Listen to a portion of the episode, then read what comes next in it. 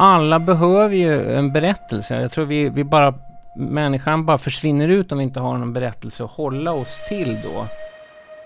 Vuxna människor tror att världen är ungefär som när de växte upp. Men att allt som sker nu är ett undantag. Om folk lyssnar på Beatles idag så kan man hävda att ja, det där är nostalgi. Det är ju inte alls det, för att de som lyssnar på Beatles var inte ens födda när Beatles var aktiva.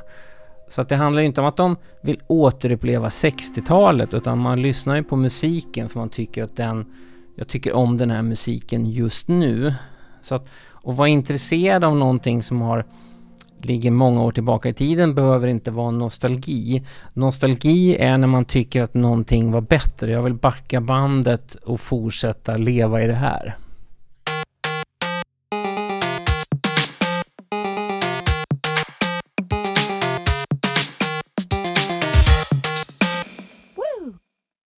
Hej och välkomna till Gradvall och Magnus med Jan Gradvall, journalist och Magnus Linkvist, futurolog. Magnus, varför håller vi på med det här? Vad, vad handlar podden Gradvall och Magnus om? Vi har haft ett pågående samtal sedan 2005 när vi likt Bernie Taupin och Elton John satt i två olika rum och skapade tyvärr inte någonting gemensamt, men på varsitt håll i de här två rummen. Sen så tror jag vi är överens om att det är ett vaccin mot bitterhet. Vi, eh, vi ser människor som blir bittra, vi kan själva bli bittra. Det finns massa skäl att som människa bli bitter. Så därför måste vi ha ett motgift. Verkligen. Och jag kan tycka att så länge vi har känt varandra så tycker jag att mina samtal med dig är de samtal med minst bitterhet i av alla jag har. För att vi kommer från olika världar och har hela tiden inställningen att aha, det där visste jag inte, vad, vad intressant att du säger det. Det där kanske jag kan använda när jag skriver eller jag säger någonting så tänker du att det där kan jag använda i ett föredrag. Och att man, att man är beredd på att världen är i förändring och att man inte tycker att, att man vill gå tillbaka till en, en till någon sorts forntid, vad nu det är. Jag kan bara tänka på musikbranschen. Jag har ju skrivit om musik sedan jag var 16 och gjorde ett punkfanzin. Så jag har skrämmande tanke skrivit om musik i 41 år. Och det kan man ju säga att konstant en väldigt... Den utger sig för att vara en framåtblickande, spännande, nytänkande bransch. Men i själva verket extremt konservativ, bakåtblickande och bitter. Man ser hela tiden folk som klagar på varför är det inte som det borde vara. Bland annat nu med hela den här omläggningen då från, eh, till streaming som många är extremt missnöjda med utan att förstå att den här omläggningen handlar ju om datorer och mobiltelefoner. Lyssnaren vill nu ha sin musik i mobiltelefonen eller datorn. Ska vi göra det med lagliga streamingsajter eller ska vi göra det med illegala streamingsajter? Men då är det hela tiden den här bitterheten att, ja, jag minns när jag var 20, 27, då kunde jag minsann leva på musik, säger musiker X som nu är 57, utan också göra kopplingen att vänta nu, det, kan, det kanske också beror på att musiker har en ganska begränsad period när man är tillräckligt stor för att leva på musiken. Hur som helst, en bransch full av bitterhet som skulle få behöva vaccination mot bitterhet. Fryshusets grundare, Anders Karlberg, sa en gång de bevingade orden. Vuxna människor tror att världen är ungefär som när de växte upp, men att allt som sker nu är ett undantag. Väldigt bra, väldigt bra. Det kallas väl ibland för baseline thinking, att du normaliserar saker under en viss period av ditt liv. Så här, det här är musik. Och så tror du att allt som blir nytt och avvikande med det, det är liksom fel. Och där går igenom allt. För mig som är född på 70-talet så är en flygkapning, det är tre, fyra softa snubbar som kräver att få landa på Bulltofta ungefär. För människor som är födda 10-20 år senare så är en flygkapning förenat med massmord, livsfara. Och man kan applicera det på allt ifrån lågkonjunkturer och, och som du var inne på, musik. Mm. För det är väl en, en lika gammal som musiken själv, ett klagomål på att det nya är minsann inte riktig musik och det är för Nej. dåligt. Och... Det har man ju hört om och om igen. Väldigt tydligt exempel är hiphop till exempel, som precis som då Anders Karlberg Fryshuset, det var ett genialt citat tycker jag. Eh, nej men att när hiphop kom så tyckte alla, att det här är någonting som har dykt upp här, det kommer snart återgå till det normala igen. Vi har våra gitarrer kvar i fodralen här. Och sen har det nu, hiphop har då getts ut på skiva nu i 41 år är det väl i alla fall, så att den första då hiphop-låten kom. Började du skriva samma dag som den kom? Nej, no, men det är intressant. Jag började faktiskt skriva 79 och den första hiphop-låten kom 79. Jag har faktiskt aldrig tänkt på den kopplingen förut. I said a hip hop, the hip it, the hip it, the hip hip hop, you don't stop the rocket to the bang bang boogie, say up jump the boogie. Nej, men eller också de här argumenten som finns bland kritiker att när man utger sig för att gilla ny musik och, och gilla det nya som kommer. Artister då som Swedish House Mafia, Avicii blev ju liksom konstant eh, slaktade, framförallt bland svenska kritiker. Ofta med, med motivet att det här är inte äkta house. Och då hänvisar man till hur house då lät 1986. Och då, ungefär som om man 1986 hade avfärdat någonting för att det inte lät som det gjorde 1956 eller 1946. Man behöver inte gilla den musiken, men argumentet att det inte följer regelboken, så att säga, att det inte följer reglerna hur det brukade vara, det är ju verkligen problemet och jag har otroligt svårt för det. Och då kommer vi till det här avsnittets namn. Retrotopia. Så en hybrid mellan retro och utopi. Det myntades av den polske sociologen Zygmunt Bauman som hävdade att väldigt många människor runt om på jorden idag drömmer om en framtid som ligger bakom oss. Att det bästa var då 86 i housemusiken eller eh, 71 i politiken eller eh, före mobiltelefonerna förstörde allt. Alltså vi, väldigt ofta den här utvecklingsoptimismen som fanns på 60-talet med drömmar om månbaser och flygande tefat och glasskyskrapor den har, den har gett vika då för ett, ett vurmande för det förflutna. Jag eh, läste ett citat av Yulal Noah Harari, bästsäljande författaren och tänkaren som sa att vi har i världen gått från ganska många historier om vad världen kan bli. Han sa 1938 fanns det två stories. Fascismen, kommunismen liberalismen. Tre stories. Precis. Tre, förlåt. Efter det fanns det två, kommunism, kapitalism. På 90-talet fanns det liksom en, någon slags global amerikansk hegemoni. Och nu för tiden, och den stora utmaningen och det kanske en förklaring till att det är så mycket stök. Precis. Är att vi har noll. Mm. Och bara för att förtydliga, det är ju att man hela tiden har haft människan har alltid behov av berättelser som förklarar vad är meningen med livet, vart är vi på väg. För många var kommunismen en sån berättelse innan allt då kraschade. För en del var fascismen en sån berättelse innan det också kraschade. Eh, och sen då liberalismen var den som höll i sig längst, men nu tycker man ju också att även liberalismen har ju dött. Och då är frågan, vilken berättelse har vi nu?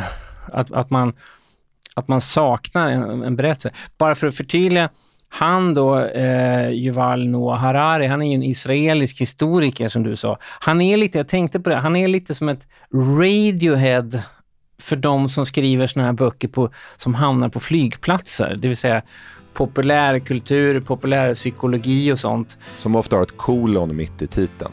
Och som ofta Någonting kolon mitt i titeln. Ja. under titeln. Verkligen. Och som både jag tror du och jag älskar och läser. Men han man måste förhålla sig till honom, precis som alla rockband oavsett om de gillar Radiohead eller inte, måste förhålla sig till Radiohead. Vad gör Radiohead för någonting?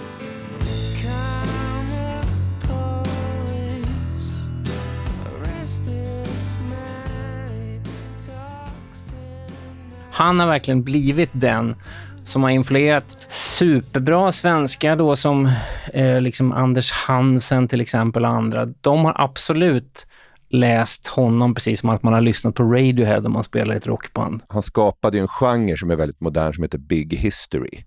Att man på 300 sidor sammanfattar världshistorien lite reduktionistiskt och visionärt. Så här, egentligen har allt handlat om vår relation till maskiner. Egentligen har allt handlat om vårt behov av berättelser.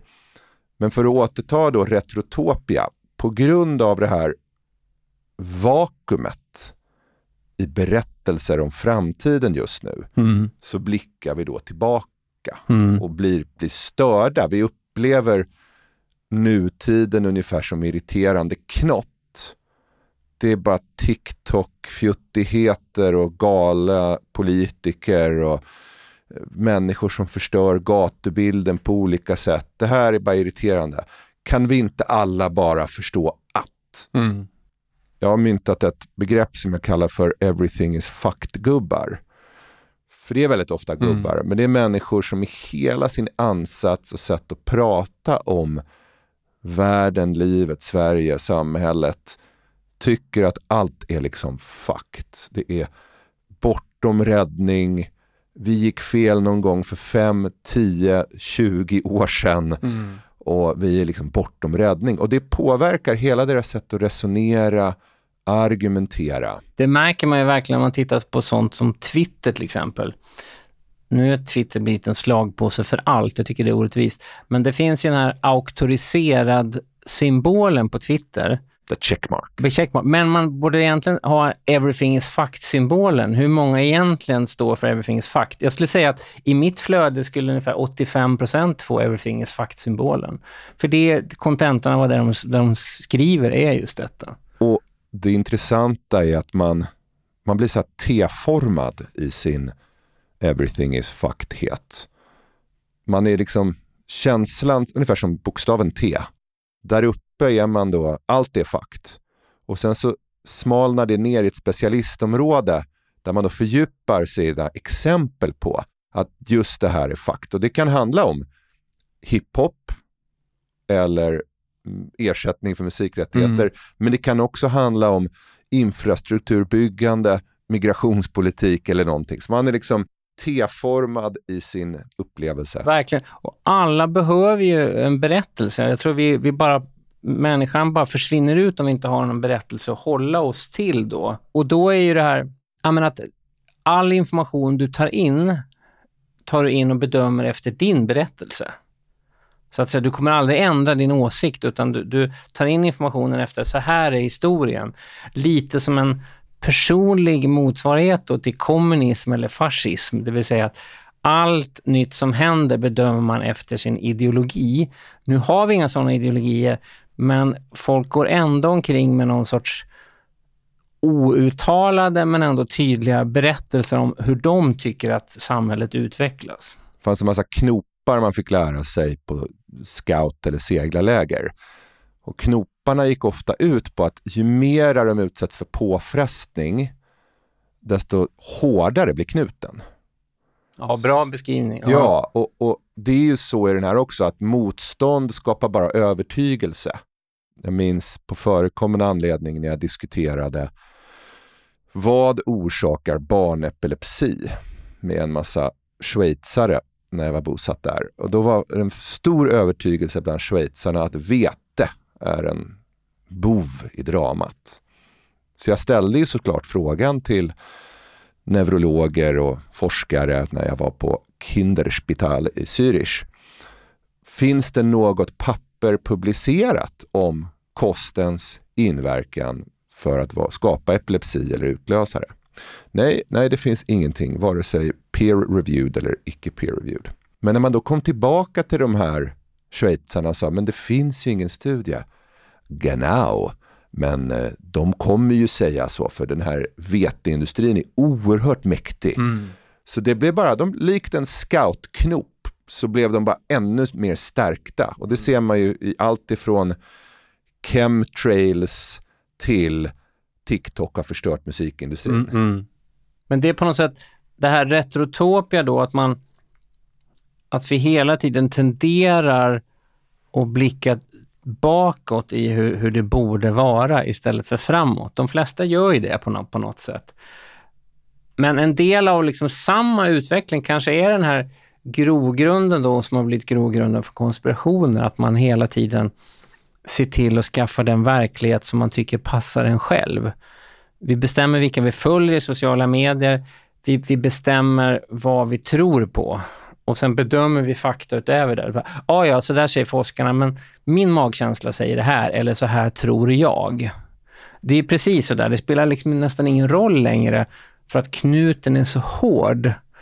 Så att tror man att vete skapar epilepsi eller man tror att vaccinationer kan skapa autism så är det extremt svårt att få de här människorna och ompröva sin åsikt. Och någonting som, det finns väl två dödssynder i den moderna medelklassmänniskans värld. Det ena är att ånger, man får aldrig ångra sig. Man ska aldrig säga att man ångrar nej, sig. Nej. Även om det är en fullkomligt rimlig reaktion på väldigt mycket och en del av att vara människa är ånger. Mm. Det får man absolut inte göra. Jag ångrar ingenting. Och den andra delen är byta åsikt. Mm. Väldigt dåligt. Det är ett tecken på att man ger upp, man eh, man viker sig för mobben, man eh, blir en annan, man blir feg. Medan i själva verket så är väl just att byta åsikt oftare.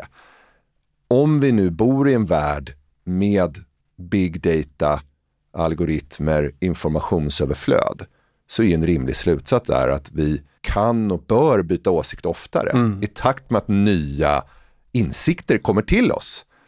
Men, och, och då, då, kanske vi kommer in på att knopen är ett immunförsvar. Antingen lägger jag min tid på att vara velig, osäker och söka ny information. Mm. Då kommer jag inte få retweets. Jag kommer inte få vara med i ett debattprogram. Jag kommer inte få views på mina videos. Utan jag kommer att kännas svag, velig och tråkig. Eller så fortsätter jag driva den här tesen som gör väldigt många människor förbannade. Och eftersom de blir förbannade är det ett tecken på att jag har rätt. Mm. Jag blir retweetad, viewad och så vidare. Så det är ett immunförsvar, lat, lathet immunförsvar. Ordet debatt har ju verkligen förvrängts också. Om man då tittar exempelvis på partiledardebatter i, i eh, svensk tv så tycker man ju med tanke på hur många det har varit och regelbundet då kommer de dit, smarta människor, har satt sig in i något ämne och så utbyter man erfarenheter. Då tycker man att någon gång måste det ha hänt att någon säger att vänta nu, det du säger just nu, det får mig att ändra åsikt. Och det har ju aldrig hänt. Man har aldrig varit med om detta. Så det är ju inte en debatt egentligen, utan det är, man bjuder upp sju saxofonister som spelar solon och sen vem, vem vem spelar högst och trycker på mest, men någon debatt uppstår ju inte. Ordet som ska användas är ju tjafs. Ja, tjafs. Därför att en, mm. en, en, klassisk debatt är ju som du säger tes, antites, syntes. Mm. Men här är det ju väldigt ofta snarare en lyteskomisk åskådarsport. Jaha, ni tar in någon som uh, är förintelseförnekare som ska få driva den tesen med någon vars föräldrar gick under i Auschwitz. Åh, det här blir en spännande debatt. Det är, det är, det är ju tjafs och konflikt. Mm. Det finns också ett underliggande problem i samhällets källkod. Och det har vi sett några gånger genom världshistorien, men jag pratar just nu. Debatten blir ju annorlunda om din övertygelse är att den motståndarsidan kommer förstöra världen. Mm. Om du och jag debatterar i nyfiket syfte för att lära oss av varandra, då händer ju någonting. Men om jag är helt övertygad om att din ståndpunkt och sätt att se förstör världen. Och det spelar ingen roll, den lilla världen, den stora världen, men får du och din åsikt härja fritt, då går jorden under. Mm. Och så har ju verkligen debattklimatet blivit. Det har gått mer åt det hållet att vad man än pratar om så blir det allt mer politiserat. Du berättade en gång väldigt intressant, för att du har ju då kopplingen till Balkan eh, familjemässigt. Kan, kan, du berätta den historien som din koppling till det här? Min fru, Vesna, är född i Sarajevo som var en väldigt kosmopolitisk stad och hade ju som berömt OS samma år som Los Angeles, det vill säga befinner sig på samma plats i världen och civilisationen som Los Angeles 1984. Stor kultursektor och människors bakgrund och kultur underordnat projektet och idén om dels Jugoslavien och Sarajevo. Så alla gifte sig med alla och det fanns en hög tolerans och sådär. Sen gick man igenom i hela Jugoslavien en ekonomisk kris på 80-talet som sedermera ledde bland annat då till ett stort, blodigt, fruktansvärt krig.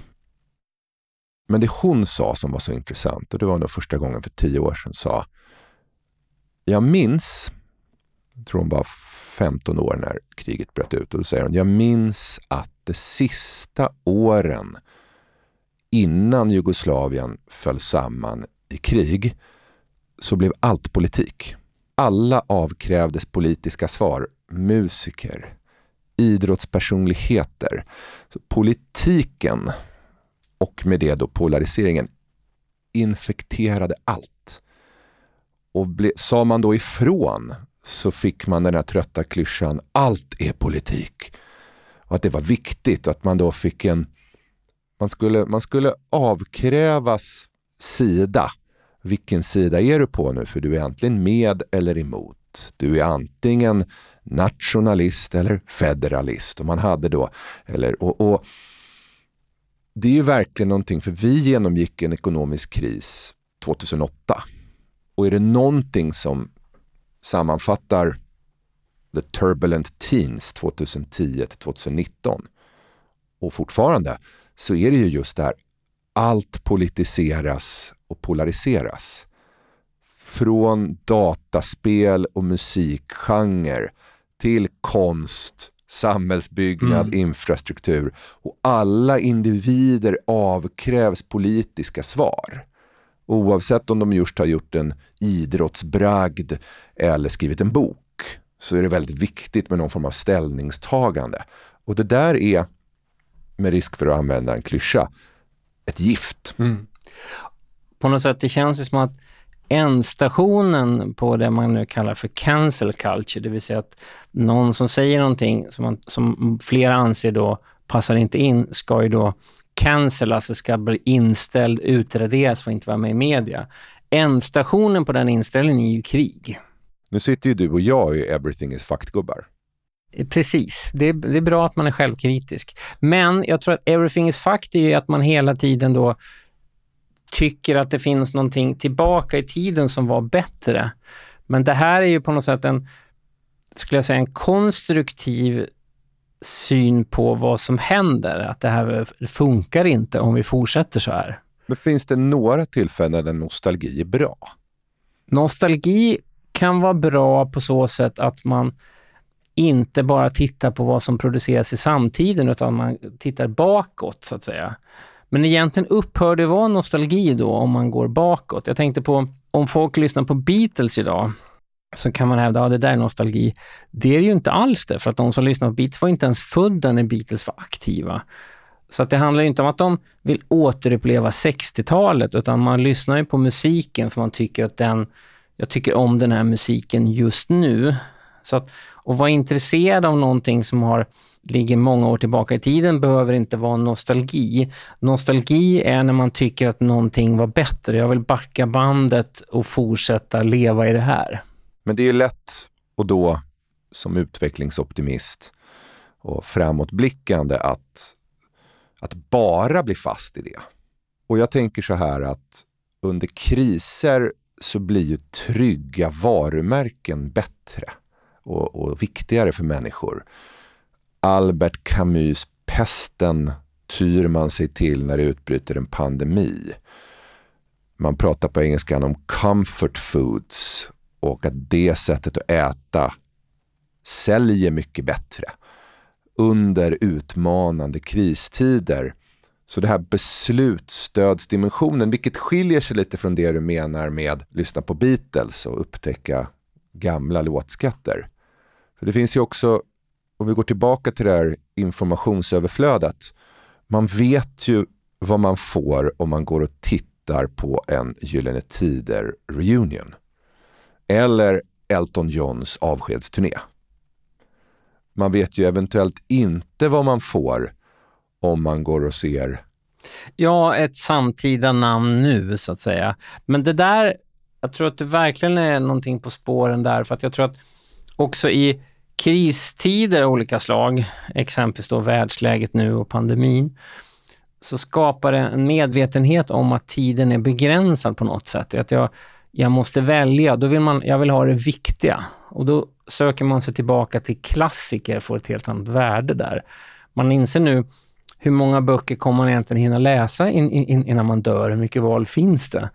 Och då vill man försäkra sig om att ja, men då, det här är ändå då, de här är klassiker, det här vill jag hinna uppleva. Jag tror att det är en anledning. Sen är det också det här, alla skapar ju sina egna universum nu. Man kan leva och lyssna på musik och se serier som ens bänkgrann i skolan aldrig hört talas om. Men när man då söker sig till de populära sakerna, ett Gyllene Tider eller ett Stranger Things, då skaffar man någonting som man kan ha, använda som social valuta. Eller bland folk i vår generation, en parmiddag, det går i, eller en middag med olika par rättare sagt. Det går inte att prata musik längre för att ingen förstår vad varandra säger, alla har lyssnat på olika saker. Eh, det går inte att prata böcker, många läser inte, det funkar inte. Men det går alltid att prata tv-serier. Säger man Netflix, då har middagsbordet någonting att prata om. Kanske, men väldigt många gånger har man ju suttit och så kläcker någon The Americans. Då har många inte sett den, för de har sin egen. Och det kommer ju alltid den här lite tröttsamma snobbkommentaren. Men bäst var ändå Wire. Mm. Som man själv har sagt. Men det där, det där är också någonting, om man ska säga något positivt med Retrotopia då, att när man blickar bakåt, all skit sorteras ju bort och det som man kommer ihåg är liksom de bästa och viktigaste sakerna. Det där kan ändras på under tidens gång. Liksom så. Men man vet att om den här boken skrevs för 50 år sedan och folk talar om den, så är den förmodligen bra. När du gjorde det här, tiden är knapp, man vill ändå fokusera på att läsa några klassiker innan man dör. Tänker jag på Harvard-psykologen Dan Gilbert som pratar just om hur lyckotillstånd uppnås. Och då har han exempel med mat. Ganska likt ditt exempel, för han säger Tänk dig att du ska skapa en meny vad du ska äta närmaste två veckorna. Och tanken är då, vad, upp, vad skapar mest lycka? Utgångspunkten hos många människor är så här, det ska vara lite varierat. Kanske att jag äter spaghetti med köttfärssås på måndag, sushi på tisdag. På onsdag är det nog bra med vegetariskt och så på torsdag. Och det är så väldigt många menyer och andra sätt att leva och läsa är organiserat. Men han härleder då och visar i sin forskning att den människan, de människorna som väljer att varje dag äta sin favoriträtt samma rätt är mycket lyckligare i vad de berättar och upplever. Man kan ju tyvärr inte mäta lycka så som blodtryck utan man får förlita sig på att en människa som säger att de är lyckliga är lyckliga. Så egentligen när man går tillbaka till din läsedel, om tiden är knapp, då borde du egentligen bara läsa samma favoritbok om och om igen. Ungefär som de här James Joyce-sällskapen som bara läser Ulysses om och om och om igen. Tolkien-människorna kanske har rätt. De lämnar ju aldrig det här universumet, utan de är kvar i det här universumet och, och, liksom dricker sin mjöd och har sina bjällror. De kanske är lyckligast egentligen.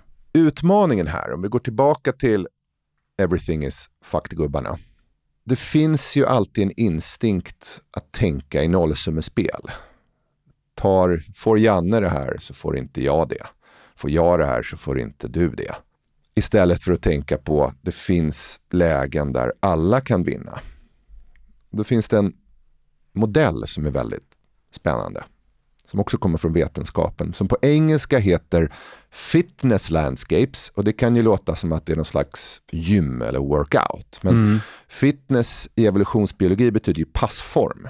Vad passar det här in? Så om vi går tillbaka till lycka då. vad passar din lycka bäst i att äta? Och det kanske är sushi. Mm. Du, det, fit, sushins fitness i ditt liv är hög. Mm. Medan om vi tar eh, friterad levergryta, bara för att gissa, så... Ja, En maträtt få ha ätit. Ja. Whatever. Ja. men så har det ganska dålig passform. Mm. Så man då, sättet vi ofta tänker på framtiden är som ett ganska enkelriktat eh, och endimensionellt diagram. Det finns en pil och den kan gå upp. Åh vad bra, BNP stiger, min lön blir högre. Min ålder stiger också, det är inte så bra. Mm. Den, eller så kan den gå ner.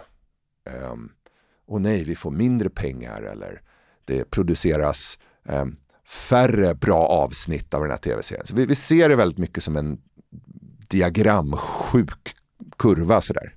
Enkelriktad och endimensionell. Vad passformslandskapen gör det är att tänk dig att istället för att stå och titta på en kurva så tittar du på ett bergslandskap. Så det, det finns en topp framför dig och då kan du uppnå en viss summa pengar, lycka, glädje, vad det nu är. Sen finns det en dal däremellan. Mm. Sen finns det ett ännu högre berg lite längre bort. Och sen finns det lite låga berg och så finns det runt om och där, det kan vara fjällen, Mm. det kan vara Alperna. Och det där ändras ju också. Två saker. Dels är det att man det är inte bara framtiden som är osäker eller rör på sig, även historien rör ju på sig. Om man tänker sig musik till exempel, att Nina Simone som är kanske en av världens mest inflytelserika artister just nu,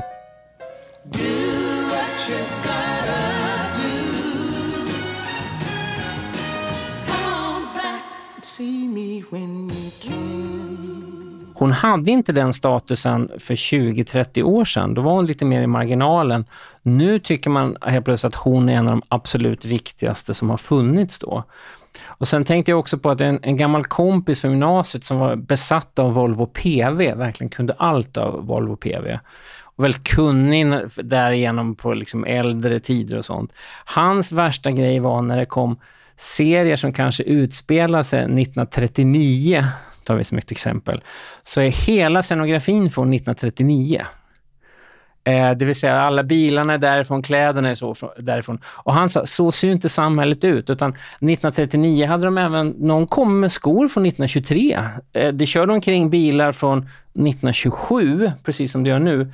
Men då tror man, att det där är om de har gjort sin research dåligt. Tvärtom, de här bergsskikten är hela tiden närvarande. Det finns olika saker hela tiden. Vi tenderar att tro att framtiden är enbart en ny plats. Och det är så man låser upp konflikter. Om jag säger till dig, Janne, samhället var mycket, mycket bättre före 1967 och det är uppenbart att det är trafikomläggningens fel. Mm. Så vi borde verkligen börja köra på vänster sida igen. För efter vi, för titta bara på Sveriges ekonomi, eh, brottsstatistiken, eh, ungdomsvanorna. Allt blev ju sämre efter 67. Förstår du inte det kausala sambandet? Och så säger du emot så blir jag bara mer övertygad, blir Mm. Mm. mig. Men sättet att låsa upp sådana här binära nollsummegrejer, det är så här, men vi kanske inte ska köra bil alls. Vi kanske ska köra åt ett helt annat håll. Vi kanske ska hitta fjärde, tolfte, tvåhundrade sätt. Det ligger ju i retrotopiska kraften att tro att allt är uppfunnet, allt är gjort, allt är klart. Nu måste vi bara tillbaka till den där svängen där vi svängde åt fel håll. Oavsett om det är en reform, en Mm. kris eller en trafikomläggning. Men passformslandskapet gör ju gällande vi kan se det på ett helt annat sätt. Ja. Vi kanske ska gå åt sidan eller snett Mm. bakåt, snett framåt. Framtid, dåtid, samtid, att samexistera. Mm. Och folk söker sig alltid till de här enkla, tydliga lösningarna, förklaringarna så att säga. Du har väldigt svårt att sälja in budskapet att allt är jävligt rörigt nu och det kommer fortsätta vara jävligt rörigt, för att det har alltid varit jävligt rörigt. Däremot säger att samhället var bättre innan 1967, det kan man då kommunicera. Men det som, det var någon intervju med Anders Tegnell nu, som sa att han var väldigt skeptisk till enkla lösningar på komplexa problem. Apropå det här med hur man ska då bekämpa pandemin, så fort någon kommer på den enkla lösningen, så är han skeptisk för att problemet är komplext. Så att lösningen kommer vara komplex. Det är inte en mening du kan säga på en presskonferens utan det är krångligare än så. Men det, det är inte vad folk vill höra. Optimism och pessimism tror vi ofta att det ena är en positiv grundsyn att saker kan eller kommer bli bättre och pessimism en negativ grundsyn att saker kan och kommer bli sämre. Men i själva verket så förnuftig optimism är ju en insikt att det finns bra odds. Så över tiden kommer saker balanseras ut till någon form av gynnsamt resultat. Men allt som kanske sker fram till dess är fullt av sorg, misär, landminor, saker vi trampar på. Och det får man ju också om man då låser upp det här från, från en endimensionell kurva till ett, till ett landskap. Och så borde vi egentligen lösa allt ifrån housemusikens intensiva debatter till diverse politiska diskussioner och tjafs till frågan om huruvida streamingintäkter är för höga eller för låga. Ja. Du, um, du jag, var... jag, ja, men det var väldigt, förlåt att jag bara sa ja, men jag blev lite tagen av det. Det, men det, det är intressant att prata på det här sättet. Vi vet inte bättre än någon annan, men bara genom att tillåta oss faktiskt lyssna på vad den andra säger så kan man bara ändra uppfattning och ändra åsikt.